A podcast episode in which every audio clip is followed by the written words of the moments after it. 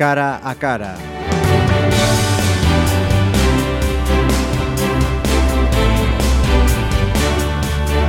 Comenzamos este cara a cara y aunque se dice que las casas empiezan por los cimientos, yo casi voy a empezar por el tejado, haciendo una pregunta. ¿Quién no conoce series de televisión como Gran Hotel, Hispania, Seis Hermanas, Velvet o Gran Reserva?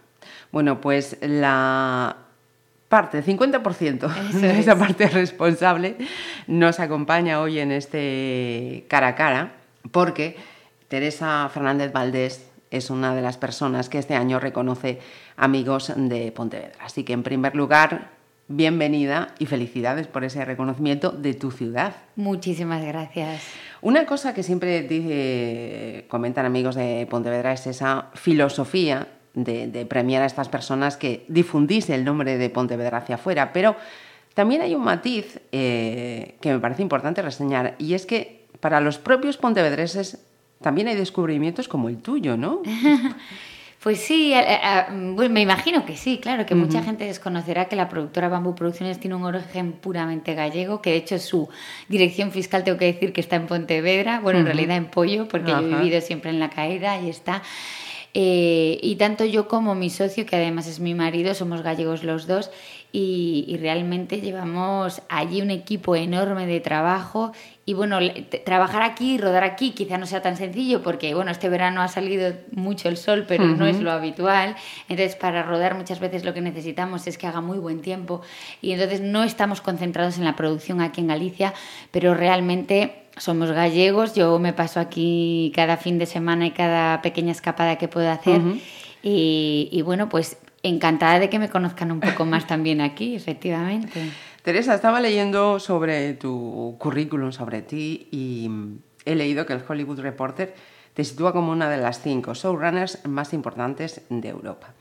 Para quienes no tengan identificado ese nombre todavía después de hablar de Bamboo Producciones, explícanos qué, es eso.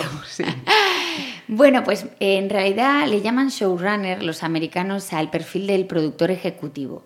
Y diremos, bueno, pues estamos igual. Pues el productor ejecutivo en una serie de televisión y en una película, pero bueno, en una serie de televisión más, eh, lo que hace es liderar el espíritu creativo y todas las decisiones que tengan que ver con, con algo que, que esté relacionado o con vestuario o con casting o con decorados, con guiones sobre todo. El productor eh, tradicional antiguo únicamente se dedicaba a financiar los proyectos bien de televisión o de cine. Actualmente esa faceta te toca también, pero una vez que eso está construido, lo que a mí más me gusta y más me ilusiona y en lo que más me envuelvo es en la parte creativa. Yo de origen no soy guionista, pero sí trabajo codo a codo con los guionistas, creamos tramas juntos, desarrollamos personajes nuevos juntos. Y entonces el hecho de ser creador de alguna manera o incitador de todo lo que son decisiones creativas en la serie, pues te supone ese título de, showrunner que ellos llaman porque no únicamente comandas el proyecto desde un lugar empresarial, sino que lo haces desde un lugar creativo. Hay que decir que estamos hablando con una colega de profesión, con una licenciada en periodismo que luego efectivamente se ha ido al ámbito eh, creativo. Y también esto de los showrunners eh, veo que es un, es un mundo eminentemente de hombres, ¿no? Sí. Bueno, de hecho yo tengo que decir que me colé ahí como, como la mujer de la fiesta en esa lista que de alguna manera destacaba el Hollywood Reporter. Y yo creo que algunos de los puntos me lo dio sin duda el hecho también de ser mujer, porque es verdad que no es que no haya mujeres en la profesión, hay infinitas, pero sí en estos lugares productivos de producción, no tanto de campo, sino de producción ejecutiva, pues las ves en menor medida.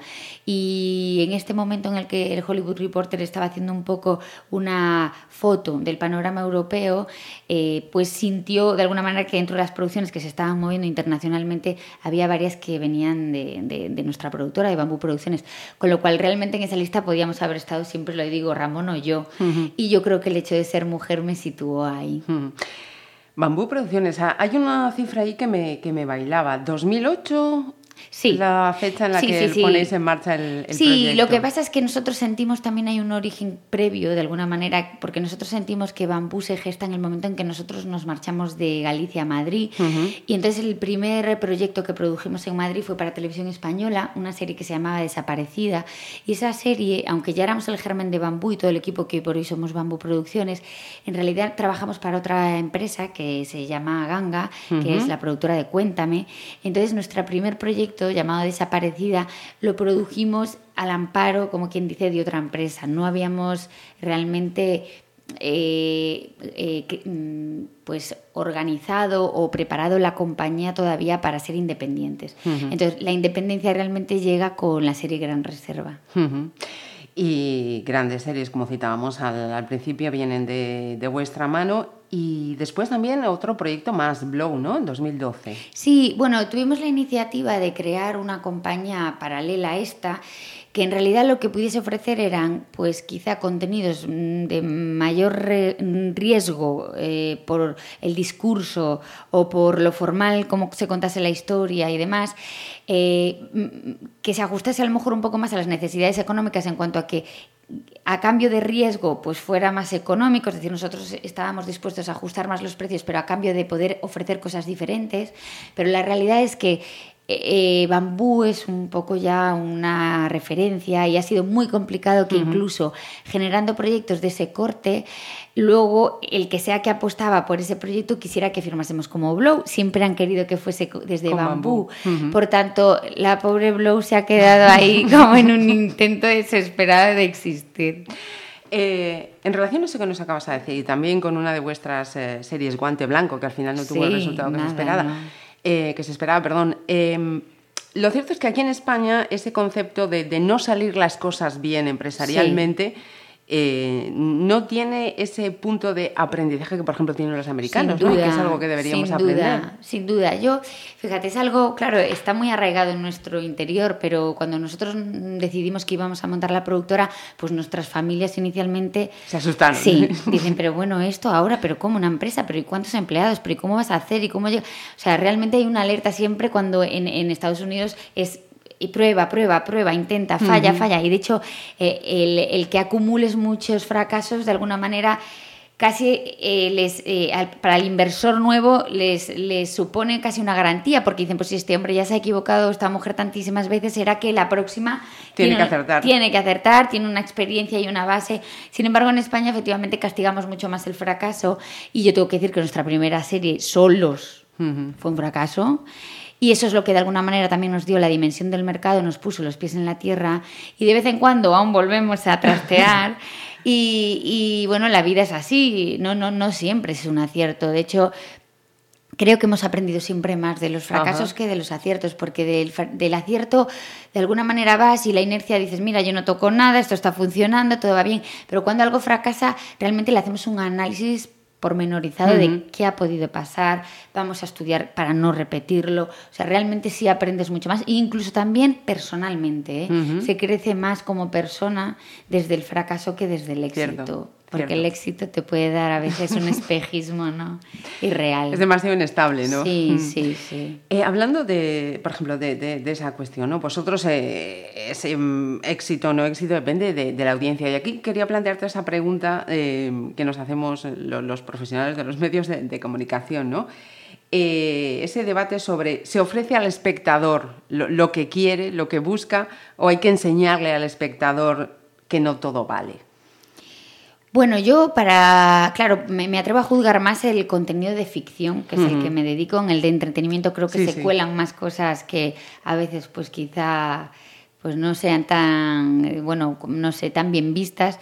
En lo que es la ficción, yo creo que sí hay un, hay un deseo de darle al público lo que le gusta, pero bueno mm, muchas veces esto es como la comida, tú no sabes que te gusta tal fruta o tal verdura hasta que no la pruebas y entonces eso no significa que siempre haya que darles lo mismo, ¿no? Entonces hay intentos de hacer cambios y que el discurso a veces sea un poquito pues más ágil o también te estás enfrentando cabeza a espectadores más jóvenes porque o, no, ojo, porque los jóvenes también consumen la tele de otro, de, otro modo. Entonces, bueno, pues tú tienes que, que, ir acercándote a tu público. Si realmente quieres sobrevivir, es importantísimo mm, pensar en tu audiencia, porque si no piensas en ella, es muy posible que la nota sea mala. O sea, nosotros sí que te puedo decir que somos consumidores, obviamente, de ficción, porque, porque nos debemos a ella, pero no consumimos lo mismo que producimos, porque obviamente pues yo tengo una edad y a lo mejor al público que me dirijo me lleva 15 o 20 años, entonces mis intereses y, lo de, y, lo del público, y los del público al que me dirijo pues no son realmente coincidentes. Así que yo no produzco series propiamente para, mí, sino con el, objetivo de, sí, de complacer al, al, prójimo. Y de hecho, cuando no lo consigues, a veces se produce esa situación frustrante porque dices, al final no lo he hecho ni para mí ni para ellos. ¿no? Hay otras veces que haces sin querer la apuesta un poquito más para ti porque te vas apasionando tanto, tanto que te la estás llevando a ti y luego no funciona, pero también te llevas la satisfacción de haber dicho, bueno, yo creí en esto, eh, y, no ha ido porque efectivamente me arriesgué demasiado o fui más rápido, a lo mejor en unos años, o simplemente, mira, lo que me gusta a mí no le gusta al resto y me he equivocado de pleno, efectivamente. Pues hablando de esas series que han dado en la Diana, citábamos eh, Gran Hotel, Bajo Sospecha, Desaparecida, Velvet, Grandes Reserva, Hispania, es decir, las grandes series de ficción de, de, la tele.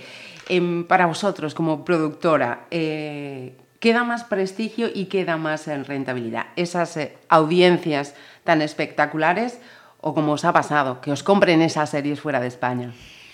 Pues, a ver, eh, para que te compren las, las, series fuera de España tienen que triunfar en España. Es decir, es muy complicado conseguir un éxito internacional si no ha sido previamente un éxito local. Hay veces que las circunstancias de una cadena, como puede ser en un momento dado, por ejemplo, las circunstancias que ha estado atravesando Televisión Española, que la ha hecho un poco más débil, si eso mm, sabemos que cualquier producto que ahora mismo se exhibe en Televisión Española ahora mismo se están pagando, quiero decir, más platos que, que, lo que merece en sí el producto que se está exhibiendo, ¿no? Pero sí suele ser, cuando tú vas a vender algo en un mercado internacional, primero que te preguntes es qué tal te ha funcionado. Entonces, si tú dices mal, es muy complicado decirle, no, pero a ti te va a funcionar mejor, cómpramelo. Entonces, tienes que tener un éxito local para que luego viaje. Ahora, Gran Hotel, por ejemplo, que fue un éxito estupendo, maravilloso, una serie con una crítica fantástica. Nosotros tuvimos una dura competencia que fue La Voz, el programa de entretenimiento de música que llegó con una fuerza y con, con eh, detrás un gran grupo que apoyaba un campañón. Y bueno, esa nos hizo daño, o sea, cuando competimos en emisión. Sin embargo, la calidad de la serie se impuso y, por ejemplo, consiguió Gran Hotel cosas como que se exhibiera por primera vez una serie española en el mercado británico, encima con un corte clásico también casi británico, parecido al suyo. Y después de eso, de que nos aceptara Gran Bretaña, pues muchos otros, ¿no? Ha sido una serie muy adaptada. Recientemente la han hecho en Oriente Medio para la época de Ramadán.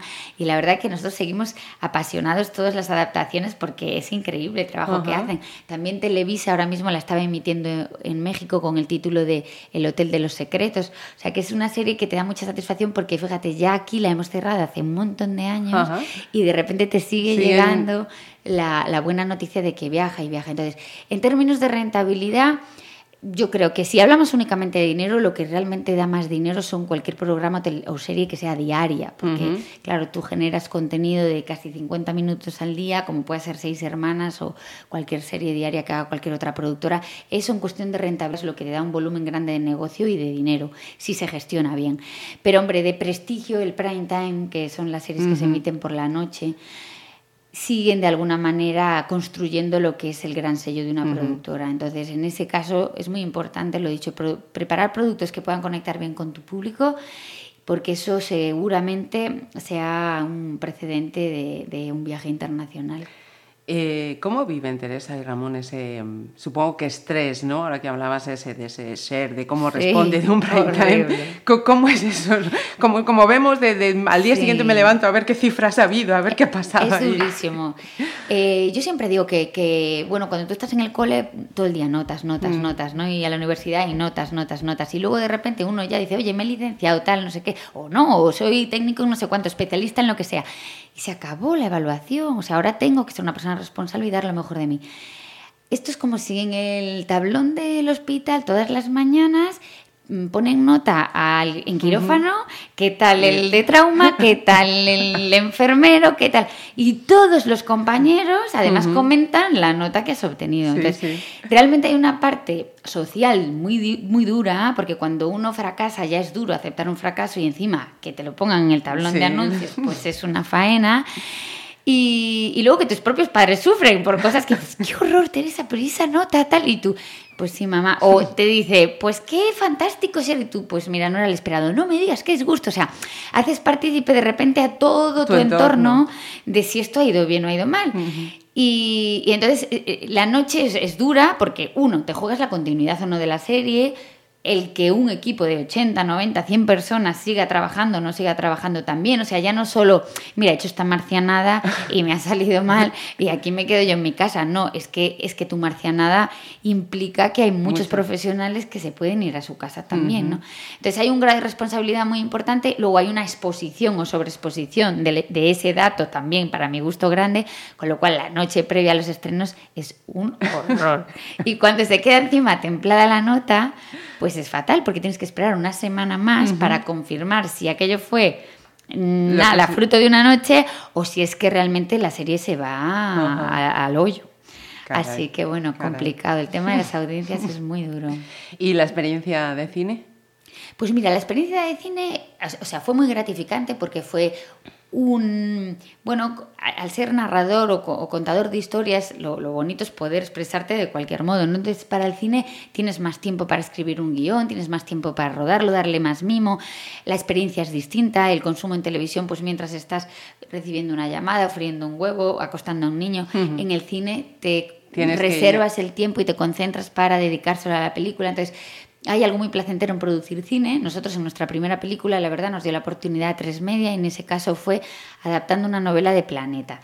No era la historia como que dices, bueno, tengo mi nudo en el estómago que quiero contar, pero sí era una, muy, o sea, una experiencia muy bonita y muy positiva para poder empezar en el camino de, de, trabajar en cine. Tuvimos eso, un apoyo tremendo por parte de, de la tele en ese caso.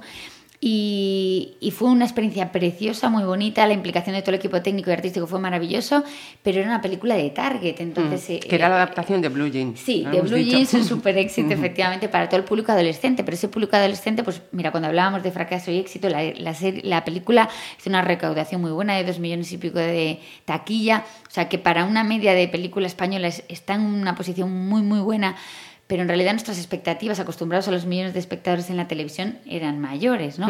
Y bueno, aprendimos, por ejemplo, cosas como esta, ¿no? Haces una película para adolescentes en periodo de Navidad y de repente te das cuenta que tu público no tiene un duro y no tiene coche. Por lo tanto, eh, si vives en una ciudad y esa noche pues has tenido tu dinerito para elegir, pero en una oferta grande como es la de Navidad y, una, una, época de consumo en la que un adolescente que tiene el dinero pues más apretadillo, pues no todo lo que quiere lo hace, pues bueno, eh, fue complicado asomarnos a ellos. Había mucho movimiento en redes de no tengo posibilidad de ver la película, no, no llega a mi ciudad, no llega a mi pueblo. O sea, hay una limitación que tienes que suponer que el adolescente tenga el dinero para pagarse la entrada, que hoy por hoy ir al cine es caro. Y luego tienes que depender en algunos casos de que su padre, su amigo, el, el, transporte público les desplace hasta el cine. Con lo cual, jugártela a una carta como únicamente público adolescente, pues es complicado. Así que creemos que nuestra próxima peli pues abrirá un poquito más el abanico de su público para intentar llegar más allá enlazando ya eso último que acabas de decir, ¿en qué proyectos, si podemos comentarlos, está ahora mismo Bambú? Puedo contar muy poca cosa, pero sí, eh, a lo mejor alguno que ya sabéis, que estamos preparando la próxima serie de Netflix. Netflix es una plataforma americana que ha venido, bueno, que se está introduciendo en Europa con muchísima fuerza. Es una mm, televisión, por decirlo así, para todos, eh, que se consume únicamente a través de Internet. Y entonces... Eh, ha hecho Orange is the New Black, eh, House of Cards, o sea, un montón de series internacionales muy premiadas y de muchísimo prestigio. Y ahora tienen la estrategia de eh, producir en Europa también, pues su primera serie en España la produciremos nosotros. Provisionalmente el título se llama Las chicas del cable. Y mm, empezamos a rodar dentro de un mes.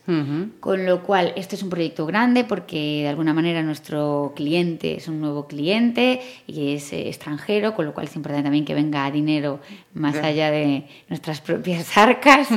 Y entonces, eh, ahora mismo estamos con este proyecto muy apasionados, pero luego estamos preparando cosas muy bonitas para Tres Media, que siempre trabajamos con ellos muy a gusto y muy bien. También tenemos proyectos entre manos y continuamos la muy buena relación con Televisión Española. También puede haber ahí, por ahí algo nuevo. Y mm, estamos cerca del mercado mexicano, porque, pues como decía antes, se han adaptado, por ejemplo, el Hotel de los Secretos allí. Y bueno, incluso podría haber posibilidad de, pensar algo para, para mercado eh, no español, pero sí hispanohablante. Y con todo eso que nos acabas de decir, Teresa, esta entrevista hasta ahora ha ido en el plano profesional, pero tú además eres madre de dos niñas. Eso es. ¿Cómo se lleva esto de la conciliación? Explícamelo, por favor. Mira, yo, eh, sí, yo he sido siempre muy niñera y yo tenía claro que quería ser madre. La verdad que esto de buscar el momento adecuado no existe y puedo decir que cuando tuvimos a las dos niñas, eh, que son mellizas además, eh, era el momento de mayor volumen de trabajo de la empresa, no podía más. De hecho, bueno, tengo que decir que no disfruté de una baja maternal, al ser también la empresa tuya, pues esto no, no es mm. posible.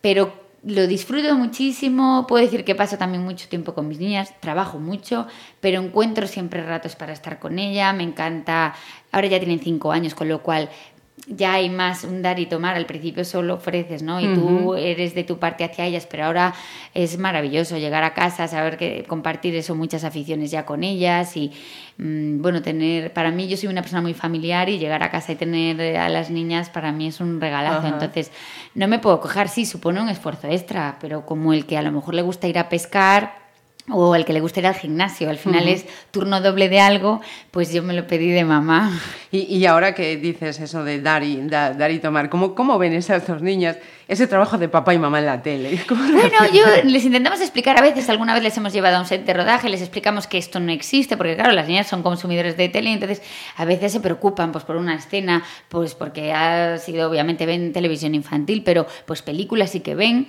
eh, de Disney fundamentalmente, pero que ya, que no de animación, quiero decir, películas, eh, hace poquito hemos visto Hook o vemos la, la pues todos los clásicos, Mary Poppins por supuesto, o La Bruja Novata, o sea que ya se enfrentan a cine de algún modo, ya de, cine de, imagen real, y te preguntan, pues se, se preocupan, o, la bruja, o el no sé qué, pues el que hace el rol de bruja o de mala, y fíjate, y lo que ha hecho, y, tú le explicas, no, esto es todo mentira, y aquí dicen, corten a acción, y volvemos a empezar. Entonces ellas, bueno, pues a veces juegan un poco con esta cosa, ¿no? De que no existe, de, entienden un poquito mejor, o sea, se asustan cuando se tienen que asustar y todo, la música siempre está muy bien puesta en las películas, como sabemos.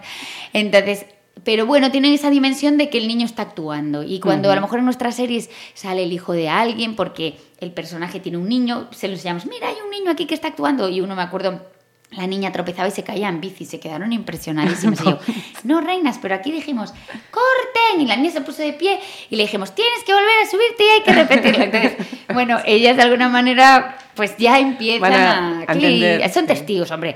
No puedo decir a qué se van a dedicar y desde luego no soy.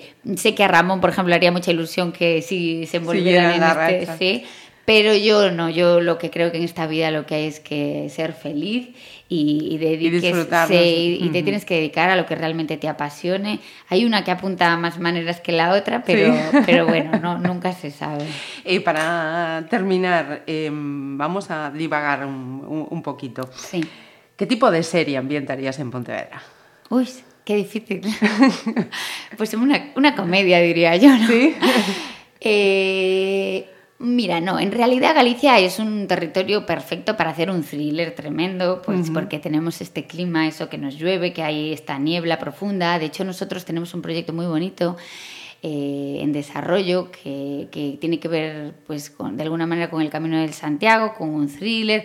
Hay algo de una medio, algo de realismo mágico. Yo creo que nosotros tenemos aquí culturalmente también ahí pues eh, unas creencias que pueden jugar a favor en una historia de suspense y, yo creo que Galicia nos va aquí, ¿no? A esta cosa como hacer algo de un personaje un poco huraño, medio extraño, que mm, que pueda estar eso como en la costa de la muerte o así algo un poco que sin ser tétrico pero que te dé un poco de susto y de tensión. Sí, yo creo que es algo que forma parte de, de culturalmente de nosotros, ¿no? Un poco de esta cosa del realismo mágico o de o de, de las meigas, ¿no? que esté ahí un espíritu más allá del que tú puedas controlar que, que, te sugiera de repente giros en tu historia que no te esperes. Y sobre todo que el clima vaya a favor, porque aquí no me atrevo a hacer yo la de, la de República Dominicana o algo de eso, no me la juego ya. Este año sería excepcional, sería haber dado en la diana, pero efectivamente tampoco se puede, se puede arriesgar. Pero tiene, tiene sus pros y sus contras, desde luego. Pues Teresa, muchísimas gracias. A vosotros de verdad este estoy feliz. Tengo que decir que además es la primera vez que, que de alguna manera se reconoce eh, mi labor en, en, la ciudad, de Pontevedra, con lo cual a mí me, me, enorgullece muchísimo porque, mira, eh, de Hollywood Reporter me queda muy lejos y Pontevedra muy cerca, con lo cual que haya cariño de la ciudad hacia mí, pues para mí es un, es un lujo. Pues que lo disfrutes mucho. Gracias.